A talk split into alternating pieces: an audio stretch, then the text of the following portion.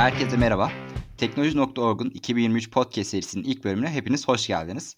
Bu bölümümüzde artık her yıl klasikleşen e, CS 2023 hakkında konuşacağız. E, arkadaşım Mert bu bölümde bana eşlik edecek. Hoş geldin Mert. Hoş bulduk Furkan merhaba. Senin de söylediğin gibi CS artık bizim için klasikleşmiş bir seri oldu. Zaten dünya genelinde de en çok takip edilen teknoloji fuarlarından birisi. Bu sene de çok fazla teknolojik ürün karşımıza çıktı. Hani takip edemeyeceğimiz kadar ürün karşımıza çıktı. Seninle beraber de konuştuğumuz üzere. Ee, ama biz e, dinleyicilerimiz için aralarından en çok dikkat çekenleri seçmeye çalıştık. Bu podcast bölümümüzde de onlara değineceğiz. Önce arabalarla başlayalım diyorum. Furkan, arabalar kısmında CES 2023 bize neler gösterdi? Benim en çok beğendiğim kategori aslında arabalar oldu diyebilirim. Çünkü arabalar konusunda inanılmaz gelişmeler yaşanacak diye düşünüyorum 2023 yılında. Özellikle elektrikli araçlar konusunda çok ciddi çalışmalar var ki bunu zaten geçtiğimiz senelerde de özellikle CES 2022'de çok fazla değinilmişti. Şirketler bu konuda çok fazla çalışma yaptıklarını belirtmişlerdi. İlk çalışma Sony Sony'den geldi diyebilirim ben. Sony zaten bir süredir elektrikli araçlar üzerinde çalıştığını söylüyordu, duyuruyordu. Bu konuda kendileri açıkçası e, piyasaya giriş konusunda tedirginlerdi. Nasıl giriş yapacağız, satış yapabilir miyiz şeklinde çekin, çekinceleri vardı diye düşünüyorum ben. Hı hı. E, bu konuda bence kendi ülkelerinin de şirketi olan Honda'dan destek almayı en mantıklı hareket olarak gördüler diye düşünüyorum ki zaten CS 2023'te yaptıkları tanıtımda bunu kanıtlar nitelikte oldu. Ee, Sony ve Honda yakın zamanda ortak bir şirket kurduklarını belirtmişlerdi zaten. Bir araç şirketi kurduklarını belirtmişlerdi. Bunun da ilk çalışması olarak CS 2023'te Sony ve Honda tarafından geliştirilen Afeela adındaki elektrikli aracı tanıttılar. Ee, etkinlikte aracın prototipi tanıtıldı. Bir tane prototip geliştirmişler ve bence çok güzel bir tasarıma sahip. Hem iç tasarımı hem dış tasarımı oldukça güzel. Zaten bu aracın dış tasarımı geçtiğimiz günlerde sızdırılmıştı. Daha doğrusu Sony göstermişti. Ee, bunun üzerine çok fazla değişiklik yapmışlar. Özellikle Honda'nın işin içine girdikten sonra fazla değişiklik, değişiklik yapmışlar. Son hali bence gayet iyi bir tasarıma sahip. Ben burada bir araya girebilir miyim? Tabii. Geçtiğimiz sene sanki Sony'nin böyle e, elektrikli araç prototipleri vardı. Bu... Evet evet o, o prototipler üzerinden aslında ilerleyeceklerini söylemişlerdi ama işin içine Honda girince orada bence değişiklik yapma kararı almışlar diye düşünüyorum. Ki bence de doğru bir karar olmuş diye düşünüyorum açıkçası. Çok daha fütüristik böyle hani daha teknolojik bir araç gibi olmuş. Sony'nin tasarladığı araçlar böyle daha çok hani şu anda da günümüzde olan araçların tasarımına biraz daha andırıyordu ama hani bu tamamen geleceğe dönük bir tasarım olmuş gibi geldi bana. Sen ne düşünüyorsun bilmiyorum ama. Katılıyorum ben de sana kesinlikle. E, hem yenilikçi hem de şık duran bir tasarım oluşturmayı başarmışlar. E, paylaştıkları bilgiler içinde arabanın 2025 yılında siparişlerini alacaklarını belirttiler. E, 2026 yılında da aracı satışa sunacaklarını açıkladılar. E, şöyle ki bu aracı hangi ülkelerde satışa sunacaklarını net olarak belirtmediler. Ama Kuzey Amerika'da kesinlikle satışa sunulacağı biliniyor. Bunun yanı sıra Avrupa ve Asya pazarına giriş yapıp yapmayacaklarını açıklamadılar. Bununla birlikte fiyat konusunda da herhangi bir bilgi vermediler. Hmm. Ee, bunun yanı sıra aracın özelliklerine bakınca bence bu araç kesinlikle dünya genelinde satışa sunulmalı. Çünkü araçta 40'tan fazla sensör yer alıyor. Bu sensörler de aracın tam bir otonom araç haline gelmesini sağlıyorlar. Ee, Sony tanıtımda yazılım konusunda oldukça iddialı davrandı. Hatta neredeyse tanıtımın bir büyük bir kısmında yazılıma vurgu yaptılar. Araç bir oyun aracı olarak da geçiyor. Bunun da sebebi e, Sony'nin arabada PlayStation 5 deneyimi sunacağını iddia etmesi oluyor. Çok hayalperest bir şey gibi geliyor aslında bu hani yoldayken nasıl PlayStation 5'te oynayacaksın falan filan. Ama adamlar e, yapacağız diyorlar açıkçası. Ya burada Bunu... aslında sanki Tesla'ya atılan bir taş varmış gibi Tesla da benzeri geliştirmeler yapıyor yani sürekli aracı işte bir eğlence sistemi, bir oyun ekleyelim. Ama biraz el, konu Sony olunca hani bir anda Tesla'nın oyunlarından çıkıp PlayStation 5 giriyor devreye. Bence yapabilirler ya. Yapabilirler gibi geliyor bana. Yapabilirler. Bu konuda hatta çok ciddi işbirliklerinde gittiler. Bunu da açıkladılar. Şöyle ki aracın multimedya ekranı için e, Epic Games'te bir işbirliği yaptıklarını açıkladılar. Oo. Detaylarını açıklamasalar bile Epic'le bir işbirliği içerisinde girilmesi araçta çok ciddi bir oyun deneyimi sunulacağını gösteriyor bence. Ki elektrikli araç yani sonuçta bu aracın e, şarj istasyonunda geçeceği belli bir süre olacak. Hani bunun için arabaya da bir PlayStation eklemek biraz süren bir durum gibi gözüküyor ama bence kullanıcıları çok memnun edecektir. Bence fazlasıyla yenilikçi bir araç. Yani bu tanıttıkları araç ne kadar yapabilecekler orası tabii ki şu an soru işareti olarak duruyor hala ama e, Sony'nin çok fazla iddialı araç konusunda zaten geçtiğimiz senelerde de araç sektörüne girme konusunda fazla hevesli olduklarını göstermişlerdi. E, bu konuda Honda ile bir işbirliği geliştirmeleri de Honda'nın tecrübesinden yararlanarak çok ciddi bir seviyeye gelmelerini sağlayabilir bence. Ben öyle düşünüyorum. Vallahi ben de katılıyorum sana. Peki Ee, başka bir araba var mı elimizde? Şimdi arabalara değinmişken yerli ve milli arabamız TOG'a değinmeden olmaz tabii ki. Ee, TOG geçen sene CS 2022'de de tanıtılmıştı. CS 2022'de de yer almıştı. Bu sene de 2023 yılında da etkinlikte yer alan araçlardan birisi olarak karşımıza çıkıyor ve geçtiğimiz sene şöyle bir şey konuşmuştuk biz. Kendi podcast yayınımızda da konuşmuştuk. TOG hiç ilgi görmedi demiştik ki o yıl haber sitelerinde olsun, etkinlik zamanında olsun gerçekten ilgi görmemişti. Yani hiçbir e, uluslararası teknoloji sitesinde TOG'la alakalı haber girilmemişti. Bu Hı hı. sene bence artık iş değişmeye başladı. Özellikle etkinlikte e, TOG'a gösterilen ilgi bence e, geçen sene göre çok fazlaydı. Hmm. Bunda tabii ki şunun da ilgisi var. E, TOG etkinliğin giriş araçlarından birisi olarak tanıtıldı. Yani şöyle ki etkinliğin giriş alanında, etkinlik alanının girişinde TOG sergilendi. Yani ister istemez insanlar TOG'u TOG'a bakmak zorunda kallardı diyebiliriz aslında buna. Ee, şöyle ki TOG'la alakalı bazı detaylar açıklandı. Ee, TOG'un zaten geçtiğimiz aylarda Şubat ayında ön sipariş alınca açıklanmıştı. Bunu tekrardan vurguladılar. Şubat ayında ön sipariş alacaklarını açıkladılar. 2023 yılında da siparişlerin teslim edilmeye başlanacağını tekrar vurguladılar. 2023 yılında. Aynen. İçinde bulunduğumuz yılda yani. Üretim şu anda Aynen. yapılıyor demek bu. Aynen o şekilde. Ee, geçtiğimiz aylarda şöyle bir soru işareti vardı. Ön sipariş alınacak ama nasıl alınacak? Kaç tane alınacak? Kimlere verilecek? Aslında bu konuda birazcık açıklama yaptılar. Şöyle ki yarışma ve kura yöntemiyle ilk sipariş verecek kişilerin tespit edileceğini belirttiler. Burada yarışmanın nasıl olacağı, nasıl bir yarışma olacağı gibi detaylar açıklanmadı. Büyük ihtimal önümüzdeki günlerde açıklarlar. Çünkü Şubat ayında artık ön siparişleri alacaklarını belirttiler. Bunun yanı sıra e, benim en çok ilgimi çeken kısım NFT koleksiyonunu satışa sunacaklarını belirttiler ve koleksiyonu satın alan kişilere de ön siparişe katılmaya hak vereceklerini ve bu kişilere sıralamada öncelik vereceklerini belirttiler. Hmm. Hani bence ciddi bir planlama yapmışlar bence bu konuda. Hani çok e, tepe taklak ilerlemiyorlar diye düşünüyorum ben. Gerçekten planlama yapmışlar ve buna da uymaya çalışıyorlar. O yüzden her ne kadar 2023 yılında satışa sunulacak mı, üretilebilecek mi gibi soru işaretleri olsa da bence çok ciddi şekilde artık çalışmaları son noktaya getirdiler ve Şubat ayında dedikleri gibi ön siparişler almaya başlayacaklar diye düşünüyorum ben. Yine bir fiyat açıklaması yok ama sanırım değil mi? Yok fiyat açıklaması yapmadılar yine. Ya zaten bu sene Türkiye'de yaptıkları tanıtımda da hani bayağı hazırlanmış bir şekilde çıkmışlardı. Bir sürü model tanıtmışlardı. Farklı işte e, araçlara güzel bir tanıtım e, kampanyası yürütmüşlerdi farklı isimlerle Türkiye'nin işte kültürel öğeleriyle. Bence işte CES'i de güzel bir şekilde değerlendirmişler gibi gözüküyor. Bu kadar ilgi de geldiğine göre. Beni heyecanlandırdı TOK. Ne yalan söyleyeyim.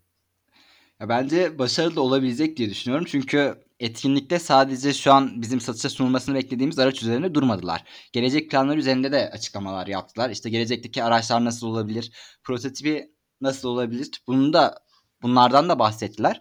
Bu yüzden bence TOG gerçekten başarılı bir şekilde ilerliyor yani ve uluslararası e, yoğun ilgi gördüğü ilk etkinlikte bu oldu diyebiliriz açıkçası. Umarım gelecekte daha da fazla olur.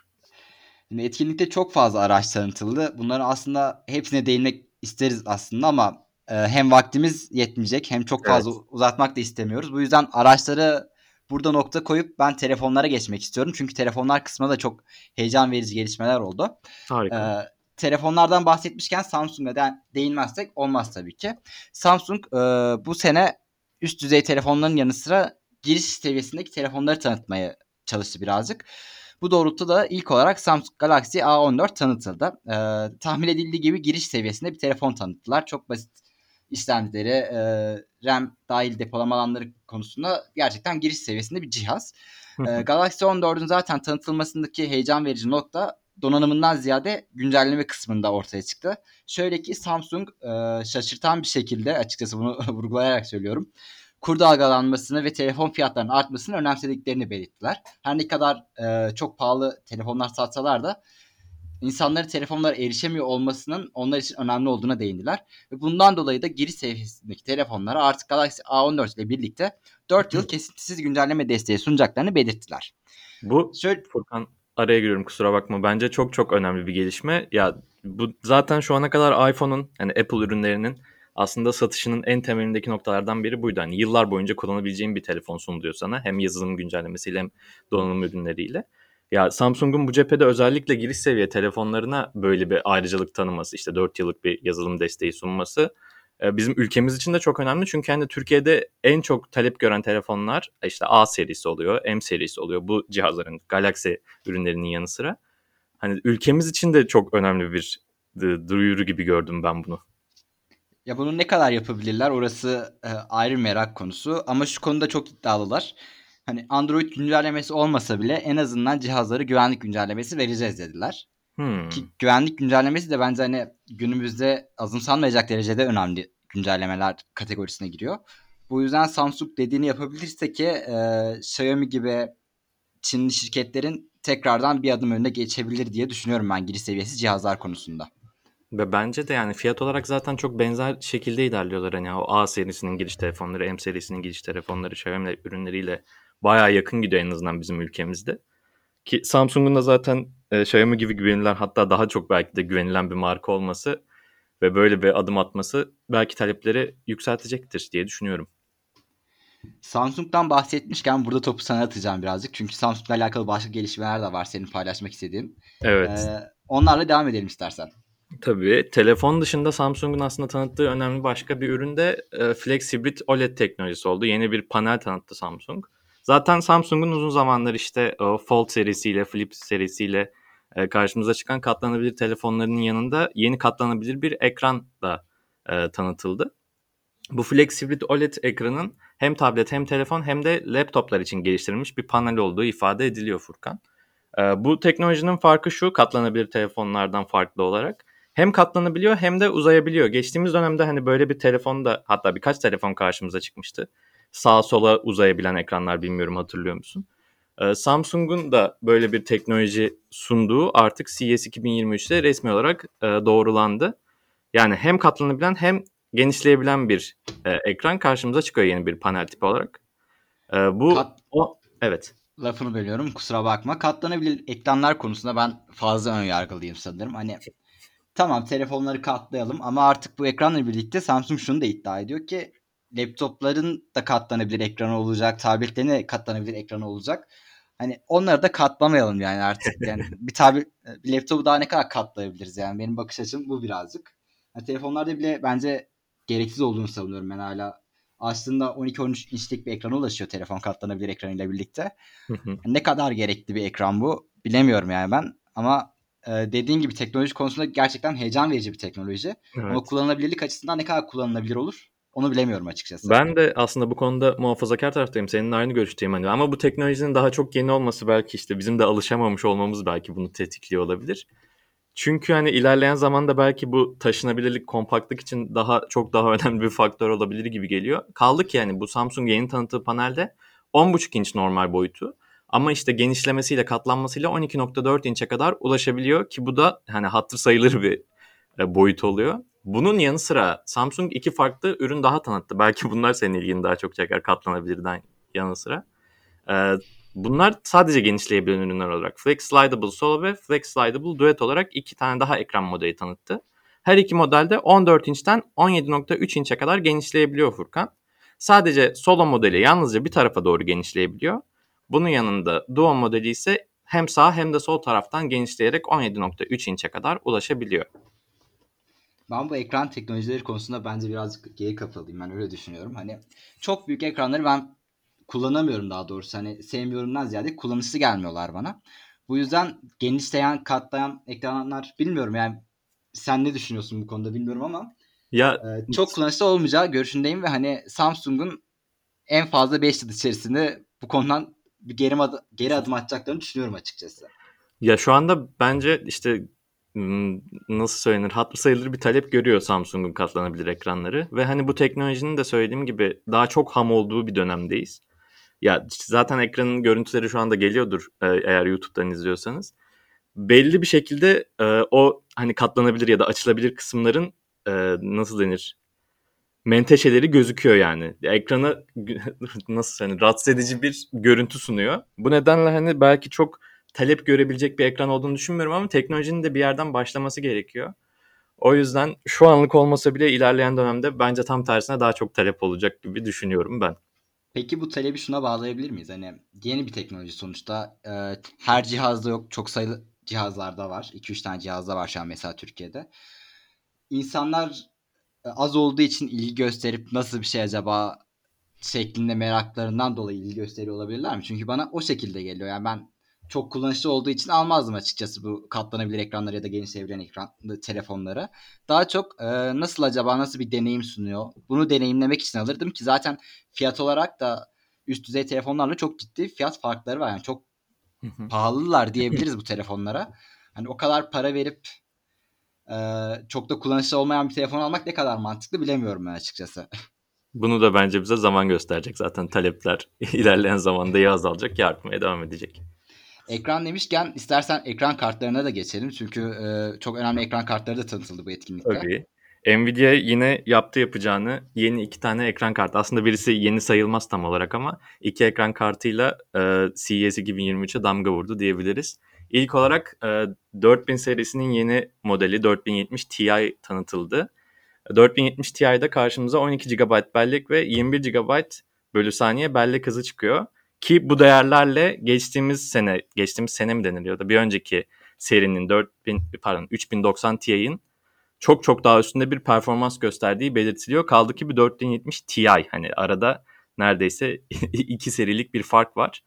Ve geçen e, serinin üstüne çıkmış gibi gözüküyor şimdiden. Bu yeni ekran kartının maksimum ekran çözünürlüğü 60 Hz ve 8K olarak ifade ediliyor. Bunun yanı sıra 4K çözünürlükte de 240 Hz'e kadar destek sağlıyor. Ee, en önemli detaylardan birisi aslında 4090'ın boyutu olmuştu. 4090 kocaman bir şekilde karşımıza çıkmıştı tabiri caizse. 4070 Ti'de ise Nvidia'nın önemli bir hamle yaptığını ve boyutu 4090'a göre neredeyse yarı yarıya düşürdüğünü görüyoruz. Ee, bu da aslında e, masaüstü bilgisayarlarda kasada önemli bir açıklık kalmasını sağlayacak. Kaldı ki bu işte minimum düzeyde de olsa bir soğutmaya fayda sağlayacak gibi gözüküyor. Önemli bir başka detay ise ürünün fiyatı oluyor. 799 dolar olarak açıkladı Nvidia e, yeni ekran kartının fiyatını. Ya şu anda Türkiye şartlarından bakarsak tabii ki çok ucuz bir ekran kartı sayılmaz ama yepyeni ve oldukça güçlü bir ekran kartı için gayet makul bir fiyat belirlemiş gibi gözüküyor. 5 Ocak'tan itibaren de satışları başladı bu yeni ekran kartının. Ben Bunun bu ekran kartını pardon tekrardan lafını böldüm. Tabii. Bu ekran kartını gördüğümde ilk şunu merak ettim. Nvidia e, ne kadar hakimsin bilmiyorum ama son zamanlarda şey yapmaya başladı. Ekran kartını çıkarır çıkartmaz hemen üstüne kripto para madenciliğini engelleyecek özellikler eklemeye başladı ekran kartlarına. Ve Hı-hı. bu modelleri görünce aklıma direkt şu geldi. Bu modelleri de eklediler mi acaba? Bu konuda bir bilgi var mı acaba? Denk geldin mi? Ben şu ana kadar denk gelmedim ama e, emin değilim. O yüzden bir şey söylemek istemiyorum. Ben Ama... şöyle düşünüyorum ki evet. e, ne zaman yeni bir ekran kartı modeli çıkarsalar direkt madenciler o ekran kartlarını satın aldıkları için stok sorunu yaşıyorlar ki hani çip krizinin tam olarak çözülmediğini düşünürsek stok sorunu kesinlikle halletmişler diyemiyorum ben kendi açımdan. Tabii. O yüzden bence yine bir madenciliği önleyecek bir şeyler eklemişlerdir diye düşünüyorum ekran kartına. Hmm, ben de benzer bir düşüncedeyim. Zaten madencilik de kendi başına bitecek bir noktaya doğru gitmeye devam ediyor. Ama Nvidia tanıtımda bu kadarla sınırlı kalmadı. Bunun yanı sıra dizüstü bilgisayarlar için de yeni bir ekran kartı tanıttı. Daha önce de biraz önce de değindiğim gibi 4090 şey 4090 modeli şu anda Nvidia'nın en güçlü ekran kartlarından birisi ve e, bunu dizüstü bilgisayarlara da aktarmak, taşımak istediklerini belirtiyor Nvidia. 4090 ve RTX 4080 modelleri de dizüstü bilgisayarlarda karşımıza çıkmaya başlayacak önümüzdeki aylardan itibaren. Şu anda sadece sınırlı sayıda e, üründe tanıttılar. Hani bu modeli gösterebildiler etkinlikte. Ama Şubat ayından itibaren birçok modelde de 4090 ve 4080 ekran kartlarını görecek gibiyiz. Ülkemize de zaman içerisinde, bu yıl içerisinde ben geleceğini tahmin ediyorum bu ekran kartlarının. Gelse bile ne kadar satılacaklar orası bence şu an bir büyük soru işareti çünkü. O her zaman güncel... bir soru işareti zaten Türkiye'de. Ee, dediğim gibi çünkü hem güncel kurdan hem de stok sorunundan dolayı yani şu çok bariz artık ön plana çıkıyor ki e, teknoloji şirketleri Türkiye'ye yeni ürünlerini çok fazla göndermiyorlar. Gönderseler bile hani çok az stokla ülkeye giriş yapıyorlar. Hani bu da çok hızlı bir şekilde tükeniyor. Ben yeni ekran kartlarında yine bu şekilde hızlı bir şekilde tükeneceğini düşünüyorum Türkiye'de. Ee, Nvidia umarım bu konuda bir artık çözüm üretmiştir, bir önlem almıştır. Hem madenciler konusunda hem de stokların hızlı bir şekilde tükenmesi açısından. Çünkü ekran kartları performans olarak cidden çok üst düzey performans vaat ediyorlar. Hani neden kullanılmasın yani bu ekran kartları uygun fiyatta da ülkeye giriş yaparlarsa neden olmasın yani ekran kartı ekran demişken Ee, buradan bir televizyon sektörüne atlamak istiyorum. Çünkü LG televizyon konusunda çok başarılı bir model geliştirdi. Çok iddialı bir televizyon geliştirdiler. Hatta bence etkinliğin en önemli, en dikkat çeken ürünlerinden birisi de olabilir. Evet ben de bu aslında e, yeni televizyonun LG OLED M serisinin M3 modelinin e, özellikle görünüşüne bayıldım Furkan ve şok edecek özelliklere sahip diyebiliriz. 97 inç boyutunda bir ekran çıkıyor karşımıza bir televizyon çıkıyor. Hani bu kadar büyük bir ekranın aslında bakınca işte kablolarıyla falan böyle bayağı bir dağınık bir görüntü oluşturmasını bekliyorsun ama LG bu noktada çok önemli bir teknoloji geliştirmiş. Zero Connect isimli bir teknolojiyle e, LG bir kutu aracılığıyla televizyona ses ve görüntü aktarımı sağlayabiliyor. Bu sayede hani herhangi bir şekilde televizyona HDMI kablosudur işte ses sistemi için bir kablo gibi bağlamak zorunda kalmıyorsunuz. Sadece LG'nin işte o televizyonun power outlet'i güç çıkışını bir şekilde duvara ulaştırmanız gerekiyor. Kaldı ki LG bunu da çok güzel bir şekilde gizlemiş ve hani televizyonda oluşan o dağınıklık görüntüsünü tamamen ortadan kaldırmış. 4K çözünürlük ve 120 Hz'e kadar aktarım yapabiliyor ses ve e, görüntü konusunda. Bu kutuyu ayrıca odanın herhangi bir yerine hani çok geniş bir odadan bahsetmiyorsak odanın herhangi bir yerine yerleştirebiliyorsunuz. Bu da aslında televizyonun kurulumu için de çok büyük bir artı. 97 inçlik bu televizyonun hem ayaklı modeli hem de duvara asılabilen bir modeli bulunuyor. Ya bu teknoloji gerçekten kablosuz işte aktarım konusunda nerelere gideceğimizi bana sorgulattı diyebilirim. Bence bu televizyonun eleştirilebilecek tek noktası e, boyutu bence. Hani 97 inç ilgi çekici geliyor. Evet çok büyük ekran izlemesi çok keyifli olacak falan ama ev ortamında bu televizyonu nasıl kullanacaksın? Yani bu konuda nasıl bir çözüm ürettiler onu merak ediyorum açıkçası. Hani hangi alanlarda kullanıma uygun olacak bu televizyon? Hangi kullanıcılara hitap edecek? Burası bence bir soru işareti olarak kalacak LG detaylar açıklayana kadar. Ama kablosuz teknolojiye cidden e, eleştirilecek bir noktası yok. Çok başarılı bir iş çıkartmışlar. Öncü olacakları çok bariz belli. Yani diğer televizyon şirketlerine kesinlikle öncü olacaklar ki e, bunu gören özellikle başta Sony'den ben bir hamle bekliyorum. Kısa vadede Sony'den de bu konuda bir hamle gelebilir bence. Ben de aynısını düşünüyorum. Ee, bunun dışında hani o serinin içerisinde 97 inçlik televizyonu belki e, daha da gövde gösterisi yapmak için etkinlikte tanıtmayı seçmiş olabilirler. Farklı modeller de bence çıkacaktır. Çünkü hani senin de söylediğin gibi 97 inç günlük hayatta çok sık kullanabileceğimiz özellikle Türkiye'deki evleri düşünürsek çok sık kullanılabilecek bir teknoloji değil gibi gözüküyor. Kaldı ki bu ürünün fiyatı da zaten e, güzel olacaktır yani öyle söyleyebilirim. Kablosuz teknolojilere değinmişken Furkan eğer televizyon konusunda söyleyeceğin bir şey yoksa ben son ürünümüze geçmek istiyorum. Tabii geçelim ki ben bu ürün hakkında bir şey söylemek istiyorum. Ee, etkinliğe e, dinleyicilerimiz biliyordur belki. Çok fazla şirket katılıyor ki bu sene şöyle bir şey oldu. Türk şirketleri de çok fazla katılım gösterdiler. Normalde hani Türk şirketleri konusunda birazcık zayıf kalan bir etkinlikti. Ee, bu noktada Türkler genellikle şey olarak bakıyorlardı. Keşke bizim de şirketlerimiz gitse, keşke bizim de teknolojilerimiz tanıtılsa. Nitekim e, CS 2023'te artık bu gerçekleşmeye başladı diyebiliriz. Aynen hem öyle. Oyun, oyun şirketi olsun hem e, üretim yapan teknoloji şirketlerimiz olsun e, etkinliğe çok ciddi katılım sağladılar ki e, senin de birazdan bahsedeceğin kahve makinesi etkinlikte en çok ön plana çıkan Türk teknolojilerinden birisi oldu diyebilirim. Aynen öyle. Arzum'un Okka Türk kahvesi makinesini aslında Türkiye'de şu ana kadar görmemiş olan yoktur diye düşünüyorum. Ee, CES 2023'te de bu kahve makinesinin farklı bir sürümüyle gittiler. Tamamen kablosuz bir şekilde elektrik aktarımı yapabilen bir kahve makinesiyle kullanıcıların karşısına çıktı CES 2023'te. Ee, yeni bir standart geliştiriliyor Furkan. Özellikle işte bu küçük ev aletleri dediğimiz hani biraz güç gerektiren ama çok da büyük güç gerektirmeyen 2200 Watt'a kadar güç gerektiren aletlerde bir kablosuz enerji aktarımı, kablosuz elektrik aktarımı adına bir standart geliştiriliyor Key isimli. Ee, bu ürünlerden birisi de tabii ki Türkiye'den bakınca Türk kahvesi makinesi oluyor. Ama hani şu anda sadece bu tanıtılsa da ürünler bunlarla sınırlı kalmayacak gibi gözüküyor. Benzer güce ve benzer işte e, yapıya sahip olan mutfak aletleri ya da farklı aletlerde de bu kablosuz üretim teknolojisi, kablosuz aktarım teknolojisinin kullanılacağı düşünülüyor. Ee, olay şöyle. Bir Türk kahvesi makinesinde normalde bir prize takabileceğiniz bir fiş bulunuyor ama kablosuz Türk kahvesi makinesinde bu fiş hiçbir şekilde bulunmuyor. Ee, tezgahın altına yerleştirilen bir bobin ya da bir elektrik sistemi sayesinde aslında bakınca kablosuz telefon şarjıyla tamamen aynı teknoloji gibi gözüküyor. Ama biraz daha fazla güç gerektirmesi ve insan sağlığına olan e, düşünceler işte riskler ele alınınca çok daha kolay bir teknoloji değil gibi gözüküyor. Tezgahın altına yerleştirilen bu kablosuz elektrik aktarımı bobini ya da sistemi yukarıda yer alan alete güç veriyor ve onun üstüne geldiği anda çalışmaya başlıyor.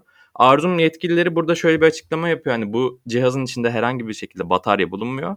Tamamen aldığı güç de birlikte çalışıyor ve güç kesilince makinede çalışmayı durduruyor. Yani elektrik motoru doğrudan kablosuz bir şekilde enerjiyi alıyor ve kahveyi hazırlıyor Furkan.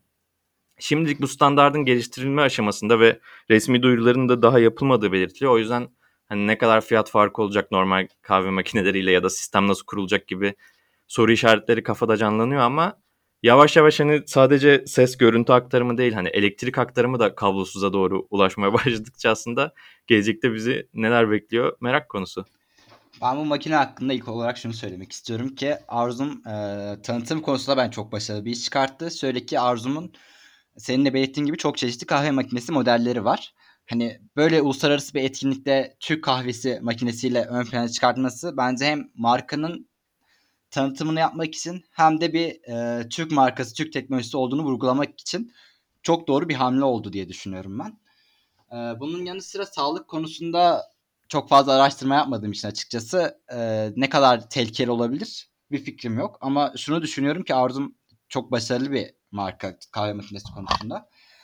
Yani sağlık konusunda insan sağlığını tehlikeye atacak bir ürünü satışa sunmazlar diye düşünüyorum ki zaten onay da alamazlar bu konuda öyle bir Tabii ki, e, evet. şey varsa.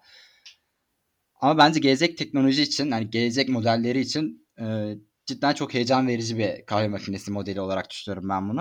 Hı hı. Özellikle Türk bir şirketin bunu geliştirmesi bence çok gurur verici bir şey. Orada bir parantez açayım. Sağlık konusunda şöyle riskler olabiliyor. İşte atıyorum kalp pili olan bir insanın elektrikli işte kablosuz elektrik aktarımı olan bir ortamda bulunmasında olası riskler var. Bunun yanı sıra kablosuz elektrik aktarımı ile diğer cihazların da etkileşime girmesi söz konusu. İşte söylediğim gibi bu standart aslında şu anda dünya genelinde geliştirilen bir standart. Hani sadece Arzum bu e, birliğe ya da işte standarda ait ürünler çıkartmıyor. Yani dünya genelinde farklı markalar da aynı şeyleri geliştiriyor ama Türkiye'nin de buna katılım sağlaması bence büyük bir avantaj ülkemiz adına. Yani bu etkinlik bize bence şunu gösterdi ki e, Türk şirketleri artık uluslararası düzeyde cihazlar, teknolojiler üretmeye başladılar. TOG olsun, e, Arzum tarafından üretilen bu kahve makinesi olsun ki daha değinemediğimiz birçok teknoloji tanıtıldı bu etkinlikte Türk şirketler tarafından. Hani bence çok gurur verici ve çok ümit verici bir gelişme oldu bu. E, bu etkinliğin şöyle genel hatlarıyla baktığımızda e, girişte de değindiğim gibi arabalar konusunda çok ciddi teknolojiler tanıttılar. Hani geçtiğimiz yıllara göre bence telefon ve bilgisayar konusunda biraz zayıf bir etkinlik oldu. E, şirketler dediğim gibi özellikle arabalar konusunda çok fazla odaklanmışlar. Hani işlemci şirketleri olsun, araba şirketleri olsun yani neredeyse herkes artık günümüzde şuna odaklanmış durumda. Biz elektrikli araba üretelim ve araba sektörüne giriş yapalım. Aynen öyle. Hani bundan dolayı birazcık ben de dediğim gibi telefon ve e, bilgisayar sektörünün biraz daha geçtiğimiz yıllardaki etkinliklere göre zayıf kaldığını düşünüyorum ben. Hani geçen seneki etkinliğe baktığımızda zaten neredeyse yarım saat laptop konuşmuştuk. Aynen Hani öyle. bu evet. sene baktığımızda ise hani yaratıcı bir şey ben göremedim açıkçası. Hani gerçekten üst düzey laptoplar üretmişler. Asus olsun, MSI olsun. Çok başarılı laptop modelleri var ama e, çok yaratıcı diyebileceğimiz yeni bir devri başlatıyorlar diyebileceğimiz bir modelle karşılaşmadım ben açıkçası. Aynen öyle. Sadece daha gelişmiş modeller karşımıza çıktı gibi yorumladım ben de. Yani Genel olarak baktığımızda bence CS 2023 e, tatmin edici bir etkinlik oldu diyebilirim. E, özellikle sürdürülebilirliği ele almaları, işte kablosuz teknolojileri ele, ele almaları, elektrikli araçları ele almaları olsun. Bence başarılı bir etkinlik ol, oldu diye yorumlayabilirim ben bunu. Evet bir kere daha hatırlatalım hani biz burada şu ana kadar bütün ürünleri ele alamadık. Hani öyle bir süremiz de olamaz. Eğer e, CS'in kendi internet sitesinde aslında bunları bulabilirsiniz bir detaylı bir şekilde. Hani hangi ürünler tanıtılmış ya da YouTube kanalında bulabilirsiniz.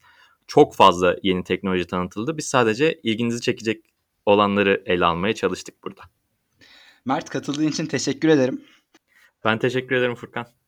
Bölümümüzü ufak bir duyuruyla bitirmek istiyorum ben. Teknoloji.org'un podcast serisi 2023 yılıyla birlikte artık haftalık olarak yayınlanan podcast serisi haline gelecek.